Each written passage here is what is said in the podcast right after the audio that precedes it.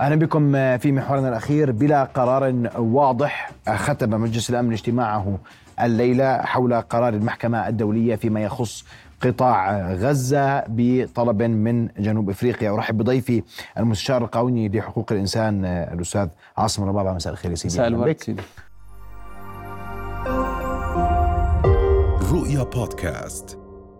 بلا قرار واضح على أقل تقدير لم يجري تصويت على قرار المحكمة الدولية. كان هناك مجرد دعوة لإجراءات اتخاذ إجراءات. والتساؤل هل كان هذا المتوقع من مجلس الأمن اليوم على الأقل؟ يا سيدي طبعا هو هذا يعني أنا بعتقد أنه كان أحد السيناريوهات المتوقعة من قبل مجلس الأمن التوصية لسلطات الاحتلال الإسرائيلي بقبول لقرار الصادر عن محكمة العدل الدولية فيما يتعلق بوقف جميع الأعمال التي تؤدي إلى آه، الإبادة آه، الجماعية. يعني هناك هذا توصيه هذا طبعا هذا القرار اتخذ وفقا لأحكام الفصل السادس من ميثاق الأمم المتحدة.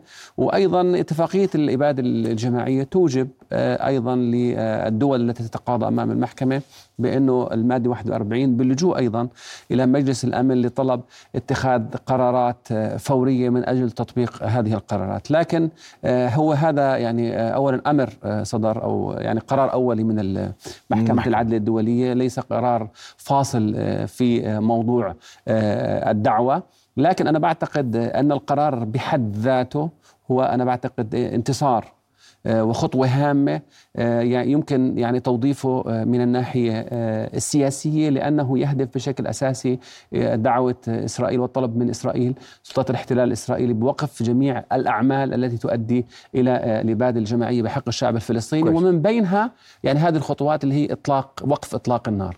وأنا بعتقد أنه يعني صياغة هذه هذا القرار أنا بعتقد فيه يعني نصر أيضا للمقاومة الفلسطينية. باعتبار أن وجود قرار صريح من محكمة العدل الدولية بوقف إطلاق فوري للنار في قطاع غزة، طبعا هذا سيشمل الجانبين الفلسطيني والإسرائيلي. في وقف إطلاق النار؟ لا حتى أنا بعتقد أن صياغة القرار بهذه الطريقة وقف أعمال الإبادة الجماعية، لأن أعمال الإبادة الجماعية هي المتهمة بارتكابها سلطات الاحتلال الإسرائيلي. وأنا بعتقد انه من الذكاء أن القرار صيغ بهذه الطريقة لأن صدور قرار أو أمر فوري بوقف آه، اللي هي العمليات العسكرية. هذا سيؤدي بالأساس أيضا سيشمل اللي هي قوات المقاومة الفلسطينية. وسيتقص لكن محكمة العدل الدولية لا تملك سلطة على المقاومة الفلسطينية يا سيدي ليست دولة معترف يا سيدي ولا توقع الاتفاق. يا سيدي هذا القرار لو صدر هو يشمل طرفي النزاع. م. وقف العمليات العسكرية سيصدر من من متعلق بالطرفين، فأنا بعتقد أنه من الذكاء أن القرار صيغ بهذه الطريقة لأنه يحفظ حق المقاومة الفلسطينية في مقاومة استمرار مقاومة يعني الاحتلال الاسرائيلي بالضبط باعتبارها حركة نعم. تحرر ومقاومة آه، مشروعة للاحتلال الإسرائيلي. بس اسمح لي آه، أستاذ عاصم، إحنا كنا قلقين وتحدثنا عن ذلك كثيرا آه، على مختلف المنابر بأن المشكلة الوحيدة التي نقلق منها هو استخدام حق النقد الفيتو. يا سيدي أنا بعتقد الأمريكي تحديدا. يا سيدي ما فيش تصويت حتى عشان يا استخدمت أو ما استخدمت يا سيدي أنا بعتقد أن آه، يعني الولايات المتحدة الأمريكية كانت ستكون أمام تحدي أخلاقي وتحدي قانوني أيضا لأن استخدام حق النقد الفيتو يعني موافقتها على آه، يعني جرائم الإبادة الجماعية التي تقوم بها آه، قوات الاحتلال الإسرائيلي. وأنا بعتقد هذا هو المخرج اللي يعني سيناريو الذكي بأن يكون القرار بهذه الطريقة توصية للاحتلال الإسرائيلي بوقف اللي هي عمليات الإبادة الجماعية وهو أحد أشكال القرارات بالمناسبة اللي يمكن اتخاذها عبر مجلس آه، الأمن.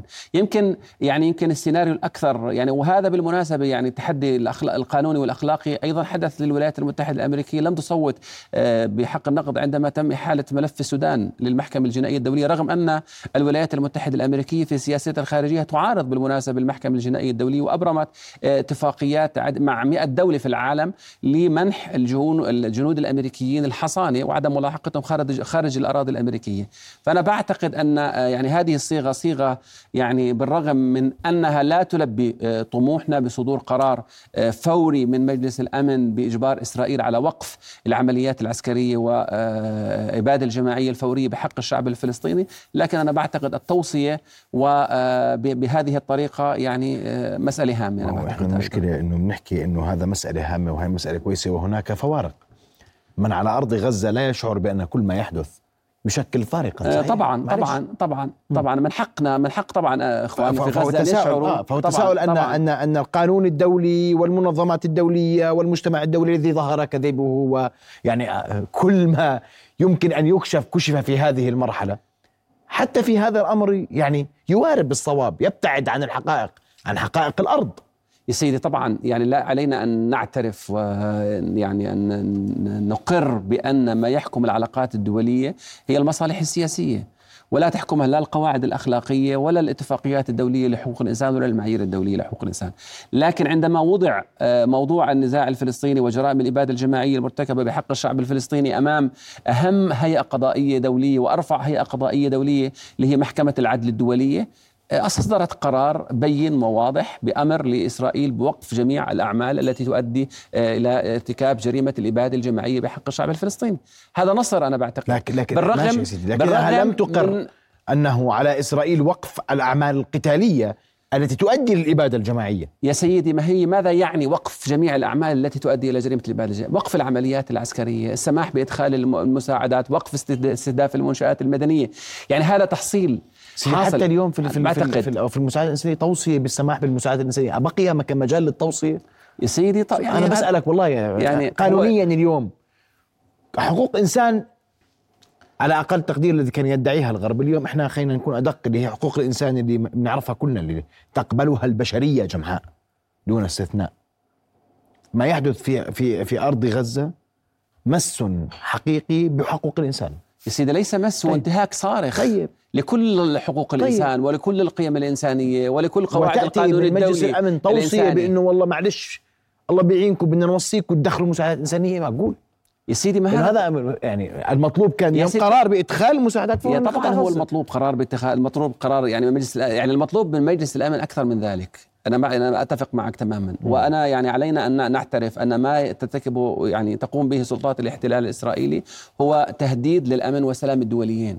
وهذا يتطلب يعني تدخل حاسم من قبل مجلس الأمن بإصدار قرار بوقف العمليات العسكرية ولو بالقوة بالمناسبة لأنه حتى قوة ضد من يعني؟ القوة ضد إسرائيل حتى من- حتى من لو يجرؤ يا اليوم؟ سيدي يا سيدي هذا هذا هو الإطار القانوني الناظم هذا الأصل. آه، بالضبط وهو الإطار القانوني الأساس الذي يجب أن يستند عليه في أي عمليات تهدد الأمن والسلام الدوليين وأيضا بالمناسبة اتفاقية الإبادة الجماعية أيضا المادة 41 ت- توجب أيضا يعني وتطلب ان تدخل قوات طوارئ دولية بتكون فصل بين الأطراف المتنازعة لوقف عمليات الاباده الجماعية التي تلحق بالاطراف بأحد الأطراف المتنازعة.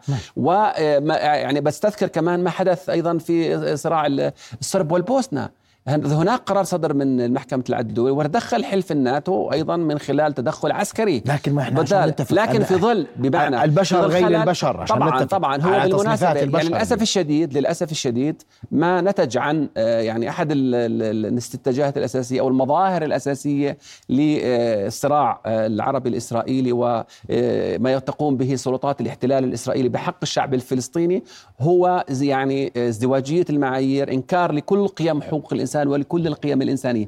ولكن هذا كله يجب أن يعني بمعنى ألا يعني يخل بإيماننا بأن هناك أيضا قنوات قانونية وقضائية دولية وآليات دولية يمكن الاستناد إليها في إحقاق المطالبة بحقوق الشعب الفلسطيني. أنا وإذا بس- أنا بدي أذكرك بدي أذكرك إنه بس أنا اليوم اليوم هل هل. في قناعة اليوم عند أي إن كان؟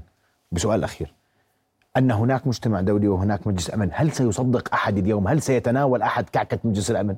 لا طبعا. بأمانة. لا طبعا. خلص لا طبعا. لكن هناك أدوات قانونية يتم استخدامها منها محكمة العدل الدولية، الآن هناك أيضا تحدي موجود أمام المحكمة الجنائية الدولية والمدعي العام للمحكمة الجنائية، وأنا بدي أذكر بالمناسبة وأطالب وأناشد الدول العربية أيضا أن تتبرع للمحكمة الجنائيه للمدعي العام للمحكمة الجنائية والمحكمة الجنائية الدولية. لكي يقوم المدعي العام للمحكمة الجنائية بم- بمصاري، هناك تحدي. بالمناسبة يعني خلينا نكون خلونا نكون واقعيين. في صراع البو... آه، أوكرانيا مع روسيا ال- ال- الأوروبيين بالمناسبة الاتحاد الأوروبي قدم 40 مليون يورو وضعهم أمام اللي هو ولاء المدعي العام تحت يد المدعي العام حتى يتمكن المدعي العام من القيام بدوره. لأنه توثيق جرائم الحرب بمعنى هي عملية فنية تتطلب بالمناسبة قدرات. يعني سواء نتحدث عن خبراء عسكريين نتحدث كويس. عن خبراء آه، طب شرعي نتحدث عن خبراء أسلحة كل هذه المتطلبات الفنية لعملية توثيق جرائم الحرب الإسرائيلية ادفع للموثق هاي منظمة دولية يا سيدي هي هاي منظمة دولية ادفع يا سيدي يا سيدي يا سيدي أخي محمد آه، أولا هذه المنظمات الدولية هي تقوم بعملها بمعنى المستدام بناء على تبرعات واشتراكات الدول الأعضاء م. تقوم بتسديدها لميزانية المحكمة يعني وأنا بذكرك وبذكر بعجالة, بعجالة أنه بلجيكا على سبيل المثال خصصت 5 مليون يورو وضعتها أمام المحكمة المدعي العام المحكمة الجنائية الدولية من أجل أن يقوم بالتحقيق في جرائم الحرب الإسرائيلية. بمعنى يعني بمعنى يجب علينا أن نستخدم الأدوات الدولية آه، طيب بذكاء وأن ندعم هذه بمعنى نضع كل الإمكانيات المتاحة لدينا من أجل توثيق جرائم الحرب الإسرائيلية. إحنا اليوم لا نثق شيء لا نثق بشيء دولي للأسف. أشكرك كل الشكر الاستاذ عاصم رباب المستشار القوني. ومستشار حقوق الإنسان. أشكرك على حضورك. شكرا جزيلا. رؤيا بودكاست.